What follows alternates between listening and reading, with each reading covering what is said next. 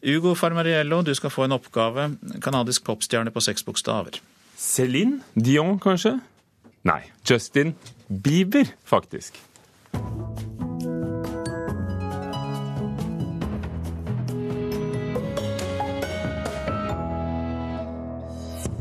Nok en dag på jobben for verdens mest blaserte 19-åring. Slik oppsummerer vår anmelder konserten som trakk 22 000 såkalte beliebers i går. Biografen jaktet på bloggeren Fjordmann i halvannet år, og fant en helt annen mann enn han forventet. Og Alf Prøysen-viser blir nytt korstoff som 240 000 sangere over hele landet snart kan glede seg over. Kulturnytt i Nyhetsmorgen. 22 000 Justin Bieber-fans fikk endelig møte idolet sitt i går kveld. I fjor skapte tilhengerne og idolet kaotiske tilstander da Bieber holdt konsert på Operataket i Oslo. Gårsdagens konsert derimot gikk fint, ifølge politiet. De har stått timevis i kø bak metallgjerder tynnkledde tråkker de rundt sammen med tusenvis av andre, som skal se den første av i alt tre konserter med popstjernen Justin Bieber, og nå har det begynt å regne. Celine bruker jakka som paraply. Jeg må redde ansiktet. Du, liksom, du må redde sminken? Ja, ja. for Justin. Og jeg tror det blir veldig, veldig bra. Inngang E1 er på innsiden av gjerdet. E2, D2 og E3 long as you love me, we're under pressure. Seven billion people in the world trying to fit in. Justin Bieber. I fjor skapte han kaotiske tilstander på Operataket i Oslo sentrum. Men i år har arrangementet gått overraskende fint, til tross for at syv mennesker har blitt kjørt til sykehus, sier Tom Berger ved Asker og Bærum politikammer. Eh, det jeg har fått rapportert nå, er at vi ikke per nå i hvert fall er klar over noen alvorlige eh, hendelser eh, det har gått uh, veldig bra. Over all forventning. Uh, ikke over all forventning, vi hadde jo håp om at det skulle gå bra. Vi hadde lagt gode planer og følt oss vel forberedt. Dere som kommer ut fra arenaen, kan begynne å trekke mot deres høyre! Men litt temperatur ble det da fansen trodde Bieber var igjen på arenaen og skulle vise seg i et vindu, noe politiet hadde avkreftet på sosiale medier. Gå der nå, folkens! Bare gå! Det er ikke noe! Og etter konserten var Pernille og Celine strålende fornøyde. Det er helt fantastisk. Han er, å, han er så deilig. Det var måten han takker oss på. Mm.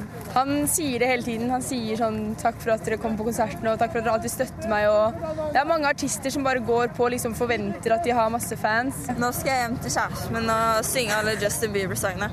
Tror du han gleder seg? Ja. Jeg tror han gleder seg til å se meg. Og reporter eh, på Fornebu var Eirin Venås Sivertsen. Trine Åndal, musikkritiker i NRK P3. Du var der. Hvordan begynte konserten? Eh, jeg var der, og um, som alle andre som var der, så tror jeg jeg hadde fått eh, bygd opp forventningene mine solid i forkant. Det har jo vært mye skrevet og sagt om Justin Bieber den siste tida. Det første som skjer inne i arenaen, er at det er et nedtellingsklokke på en monitor bak scenen som begynner å tikke ned fra ti minutter. Og de siste sekundene der de er lange, og det hyles, og folk er liksom helt sånn på bristepunktet av forventning. Eh, så flys Justin Bieber ut i hvite klær med store englevinger. Eh, alt er veldig pompøst. Eh, og så går han på med en låt som heter All Around the World, som har vært en relativt stor hit, men som man ikke leverer spesielt bra.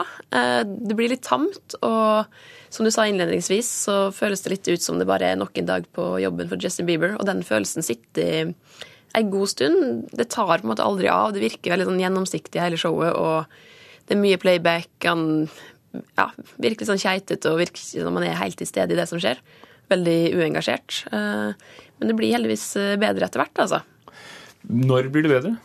Eh, det som egentlig ble vendepunktet, var en av disse videoinstallasjonene. For han bruker det veldig mye mellom låtene for å få tid til å skifte antrekk eller eh, hvile eller hva nå enn eh, gjør mellom låtene.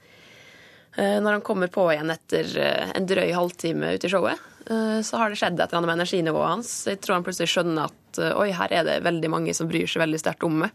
Så virker som han legger litt mer hjerte i det han gjør, og er plutselig veldig mye mer sjarmerende og prøver på en måte ikke å være mer enn det fenomenet han er, da, og leverer ganske bra utover. Han har jo med seg en produksjon som løfter det showet her veldig.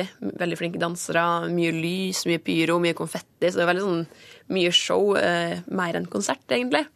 Kan du forstå eh, hva som trekker 22 000 i går kveld og tre fulle hus til Justin Bieber? Ja, jeg tror han er et eh, fenomen som det er veldig lett å dyrke. Han er jo i mye større grad et popfenomen enn en stor artist.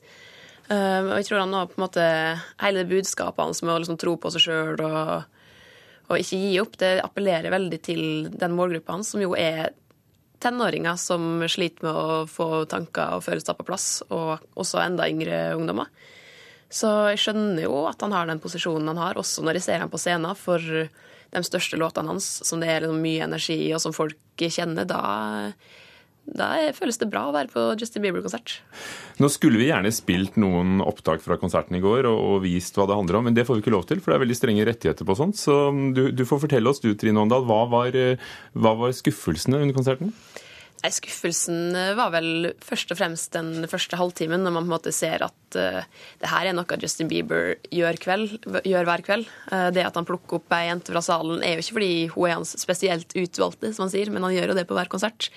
Uh, og det er jo en del av pakka, men Hver og en er nok spesiell. Ja, sant. Kan han synge? han kan synge. Det var jo pga. stemmen han blei oppdaga Eh, for noen år siden. Men eh, stemmen bærer ikke alltid like godt i livesammenheng. Han bruker mye playback, som vi sa. Og når han ikke gjør det, så er det ganske surt innimellom. Eh, så det spørs om det rett og slett er for mye på en gang for Justin Bieber når han både må danse og underholde og synge. Men hva er de musikalske kvalitetene? For noe må det være, siden vi sitter her og snakker om det. Ja, altså han har jo han er jo en totalpakke, og det er jo også derfor han har blitt såpass populær. Han er jo mer enn en artist. Han er jo en søt, uh, ung gutt som uh, det er lett å dyrke frem. Og han får jo jobbe med akkurat de folka han vil når han er så populær. Så han har jo de proffeste låtskriverne, de proffeste produsentene. Uh, rappere og andre artister står jo i kø for å få legge et vers på låtene hans fordi det er god business. Så jeg tror at Justin Bieber kan hvis han gjør noen riktige valg, så kan han holde på populariteten så lenge han har de riktige folka i ryggen, som han i stor grad har hatt hittil. Så Alt i alt, Trine Åndal, eh, musikkritiker i P3. Jeg landa på en terningkast fire for denne konserten. Eh, bra på sitt beste, veldig dårlig på sitt verste.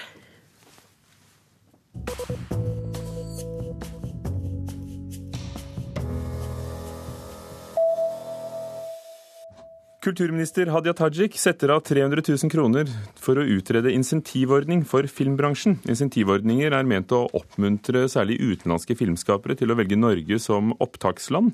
Ordningen går ut på at myndigheter betaler tilbake en andel av det filmteamet bruker i landet, ofte mellom 20 og 25% altså momsen. Og dette skriver Dagbladet i dag. Kulturdepartementet skal møte Henny Jonstad Kunstsenter og kunsttyveriregisteret Art Lost Register, som nettopp arbeider med å spore opp stjålne kunstverk. Det skal handle om maleriet 'Blå profil' foran Camina Henri Matisse, et bilde som eh, registeret mener ble stjålet fra en fransk-jødisk kunsthandler under andre verdenskrig.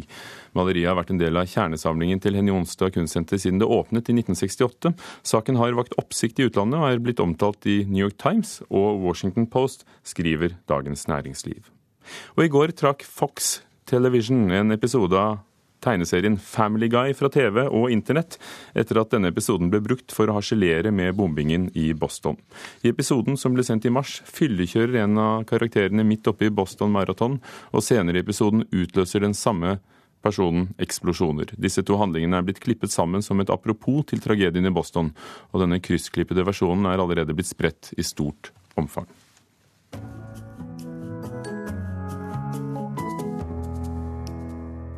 Færre barn leser tegneserier. På 1990-tallet leste halvparten av norske barn tegneserier hver dag. Nye tall fra Statistisk sentralbyrå viser at nå er det bare én av fem som gjør det. Ja, Det er vel ganske innlysende at en del av utviklingen den skyldes konkurransen vi har. Alle de nye medieplattformene, ikke minst det digitale, og også de forskjellige og mange TV-kanalene som vi nå har. Det sier forlagssjef i Egmont serieforlaget, Anita René Tveten, som oppfatter utviklingen som bekymringsverdig. Vi prøver å gjøre litt. Vi syns jo ikke alle foreldre er oppmerksomme nok på at det er effekter av at man ikke leser. At man får dårlige leseferdigheter. Som et av få forlag som utgir tegneserier mynta spesielt på barn, arbeider Egmont aktivt med å øke interessen for mediet, så vel blant foreldre som barn. Vi har satt i gang et prosjekt for å se om vi klarer å få mer informasjon når det gjelder hva, hvordan tegneserier påleser leselysten. Hva innebærer det prosjektet? Vi har eh, et samarbeid med ti skoler i Norge, der de har Donald som en del av eh, skoledagen sin, og, og ser da på dette, hvordan dette vil fremme både leselysten og ferdighet. Dessverre så har vi ingen resultater ennå, men alle tilbakemeldinger både fra lærere, barn og foreldre er veldig positive. Opp en trapp på Skaus plass på Grünerløkka i Oslo finner du Serieteket, Deichmanske bibliotek spesialavdeling for tegneserier.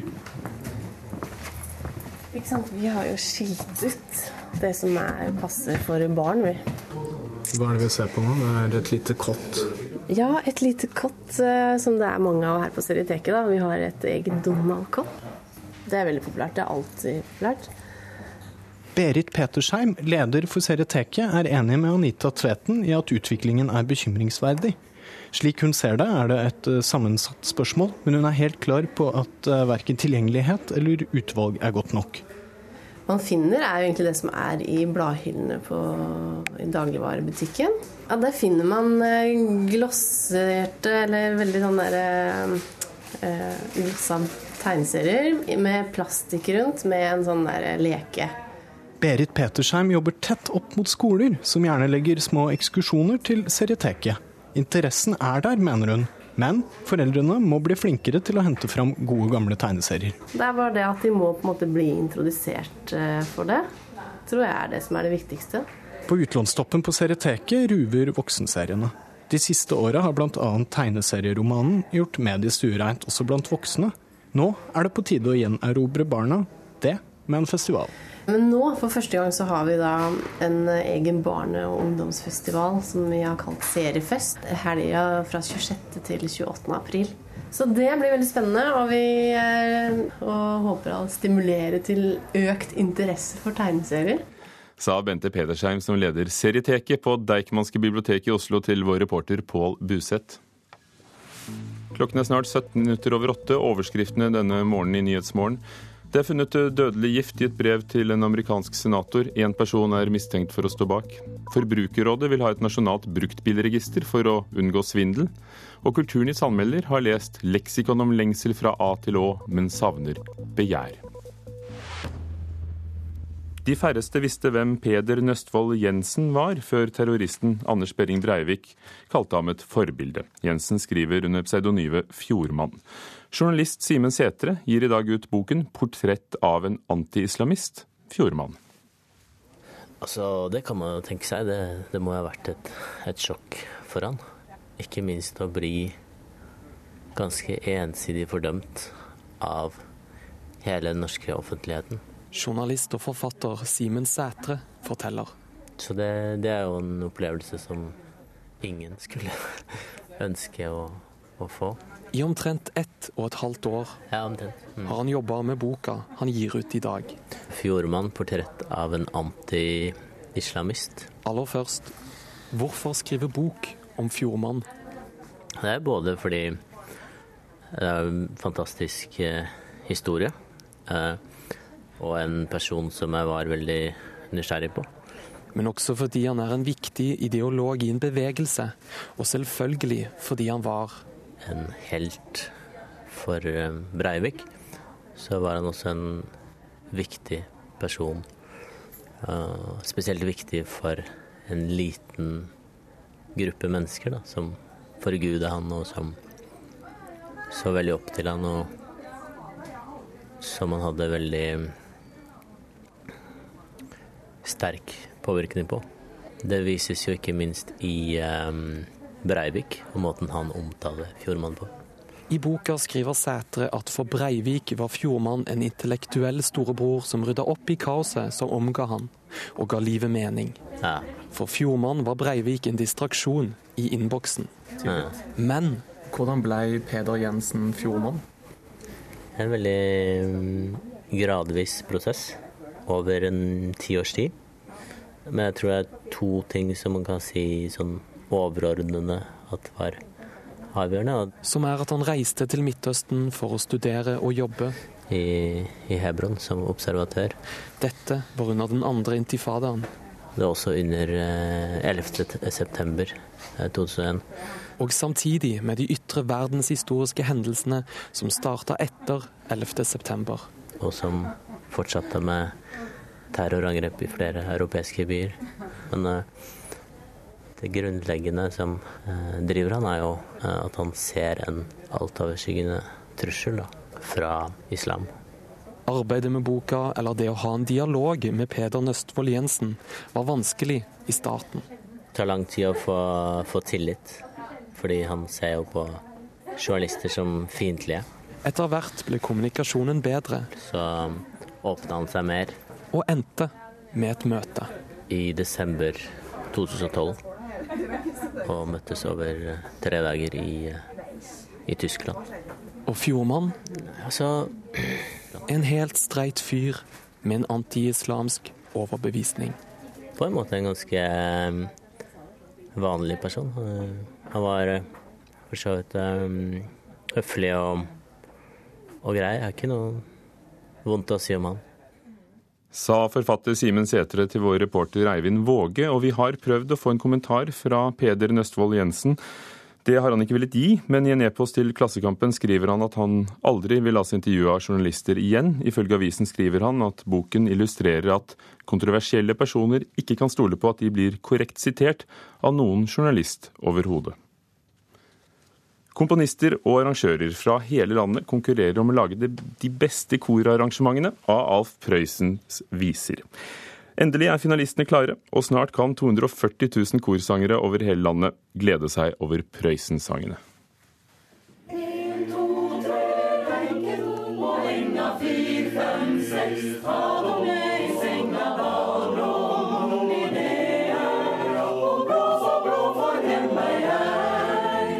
Blåklokkeleiken med tekst av Alf Prøysen og musikk av Mai Sønstevold. En av få Prøysen-sanger arrangert for kor. Det har vært et veldig lite Prøysen-arrangement for kor. Du hører lett på arrangementet at de er gått litt ut på dato, så det var jo det vi ønsker å gjøre noe med. Det var dirigent Pernille Stramrud i Solheimkoret fra Prøysens fødekommune Ringsaker som tok initiativ til arrangørkonkurransen i fjor. Nå har nærmere 50 komponister og arrangører fra hele landet sendt inn bidrag til nye, moderne a cappella-arrangementer på kjente og mindre kjente Prøysen-viser. Det er veldig bra arrangement og veldig mye å sette tenna i for et kor. Jeg syns det er et superflott initiativ. Grete Daling, leder i Musikkfaglig råd i Norges Korforbund, har sittet i juryen som har plukket ut 15 av de 46 innsendte bidragene. Hun sier det er høyt nivå på de nye korarrangementene. Jeg er veldig positivt overraska. Veldig høyt nivå på arrangementene eller komposisjonene som har kommet inn. Det er første gang det er gjort en slik arrangørkonkurranse på Prøysensanger spesielt for kor. Av de innsendte bidragene er det fra kjente sanger som Husmannspolka, Slipsteinsvalsen, Trassvisa hennes Tora og Lomnesvisa av Ungkarssalme, til mer ukjente Prøysen-tekster som To vugger og Koleravise. Jo, det er, jeg syns det var veldig morsomt. Sier komponist og arrangør Knut Løken fra Oslo, en av de 15 som juryen har plukket ut videre i konkurransen. Løken er den eneste som har to sanger med i finalen, nemlig 'Alice så nær som er Ingebjørg og tango for to. Det er morsomt å gjøre noe med Prøysen. Jeg har aldri laget noen Prøysen-arrangementer, så det er klart at det, det var jo morsomt, det. Nå skal de 15 beste korarrangementene spilles inn på plate, og deretter skal NRKs radiolyttere stemme fram de fem beste arrangementene. Finalen av prisutdelinga blir under Alf Prøysens 100-årsjubileum neste år. Når liljene på marken i fagre blomstring sto Notene til de nye korarrangementene skal gis ut på eget noteforlag. Vi åpner jo ei pakke som eh, senere skal sendes rundt til hele Kor-Norge. Grete Daling i Norges Korforbund tror dette vil føre til at flere av landets om lag 240 000 korsangere vil synge Prøysen i åra framover. Ja, det er helt sikkert. Altså, her har vi plutselig fått en skattkiste. Så det er veldig mange sanger som ikke er kjent for folk flest. Da. Sånn at man ja, blir kjent med enda mer av uh, Prøysen sine perler, kan du si. Å bidra til at flere kor kan synge Prøysen føles godt, sier Pernille Stramrud. Veldig godt. Han lever jo veldig tett inntil vår egen ryggmarg. og Og det gjør den jo faktisk hos eh, folk over hele landet. Det etterlyses jo Prøysen-arrangement fra nord til syd. For alle har jo et forhold til Prøysen. Og det var Pernille Stramrud som tok initiativet til Prøysen i kor, og hun ble intervjuet av vår reporter Stein S. Eide.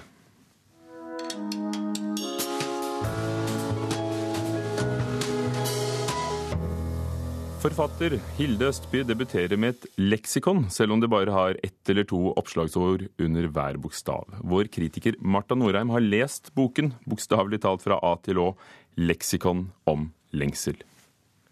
Dette leksikonet, som også er en roman, vil ikke bare gi leseren innsikt i hva lengt er, og hvordan den virker. Ambisjonen er å fange kjærleikens vesen. Det greier leksikonet ikke, snarere tvert imot, men det greier ganske mange andre ting, som å underholde leseren på en intelligent og humoristisk måte, og det er ikke lite verre det. Så får hver og en streve videre med kjærleiken på egen hånd, og vite at de ikke er alene om strevet, for såpass mye røper leksikonet. Der står det svart på hvitt at mange er opptatt av kjærleiken, ja, mange lengter etter den også. Østbys metode er å komme med svært originale nytolkinger av kjente historier. Vi får vite at modellen til Venus fra Milo var svært opptatt av klesvask, at unge Werther lei av et syndrom som fikk tårene til å renne når han blei opphissa, og at livlegen Gorbatsjov fikk, rett før han satte i gang glasnostpolitikken, faktisk var en yeti. Andre personer er for meg ukjente, uten at historiene er dårligere av den grunn. Østbys metode er videre å ta ting ned. Miloen er indirekte nevnt. Selve kjærleiken er prosesser i binyrene. Møtet mellom to elskende ender vanligvis i personlig misere og masturbering, som kanskje også har med binyrene å gjøre, for alt jeg veit. Kjærleiken er ofte noe som treffer en brått, og etter det slutter fornufta å fungere. Da spinner alt rundt det begjærte objektet, og det en måtte ha av livsprosjekt, sporer av. Det er iallfall regelen. Resultatet er at skjebnen og leksikonredaksjonen ler ironisk over alle blindgater, paradoks og misforståinger denne forvirrende krafta fører sakesløse personer inn i. Og leseren ler med. Hvis en leser dette leksikonet fra perm til perm, vil en nok oppleve at det er litt for mange bokstaver i alfabetet, og at eh, flere av historiene likner på hverandre. Dessuten er det faktisk flere sentrale ord som mangler. Sjøl savner jeg spesielt ei avklaring av forholdet mellom B, begjær, og L, lengsel. Ingen av orda fins, og det er jo en skandale som enmannsredaksjonen må ta fatt i før neste utgave. Sa vår kritiker Marta Norheim om leksikon om lengsel, som altså er en roman skrevet av Hilde Østby. Rasmus Meyers samlinger, Stenersens samling, Vestlandske kunstindustrimuseum Permanenten. Nå forsvinner disse tradisjonsrike og gamle navnene når Kunstmuseet i Bergen døper om alt sammen til Kode. Kode er ingen forkortelse, selv om museet selv velger å stave navnet med store bokstaver. Kunstmuseet i Bergen heter fra i dag av Kode. Ja, her ser du logoen gå igjen. Eh, Direktør Erlend Høyersten viser stolt fram nytt navn og ny visuell profil for kunstmuseene i Bergen. Fra nå av skal Bergen kunstmuseum på Lysverket og Stenersen, Rasmus Meyers samlinger og Vestlandske kunstindustrimuseum Permanenten ha fellesnavnet Kode. Ifølge Høyersten har de lenge slitt med navneforvirring. Det har skapt stor forvirring. Altså, Hvem er Kunstmuseet i Bergen? Hvem er Bergen kunstmuseum? Det å finne ett navn handler om å kommunisere bedre og tydeligere med publikum, med presse, med politikere, og ikke minst internt. Målet er å skape et varemerke som kan fungere både nasjonalt og internasjonalt. Kode syns jeg er et glimrende navn, fordi at det ene er lett å huske. Bokstavene står visuelt sterkt i forhold til hverandre. Eh, det er eh, enkelt å kommunisere. I New York så har de sitt MoMA. I Århus har de et kjent kunstmuseum som heter Aros. Ja. Nå skal Bergen få sitt kode. Er det for å henge seg på en internasjonal trend? Vi har jo sett mot f.eks. Aros og Tate og Lucienne, som alle, alle har dette egennavnet som du assosierer med. Så det er helt klart at eh, vi henger oss ikke på, vi lærer av de beste. I konservative Bergen Forventer du reaksjoner på dette nye navnet? Jeg håper det blir en diskusjon, men jeg håper det blir også en fornuftig diskusjon.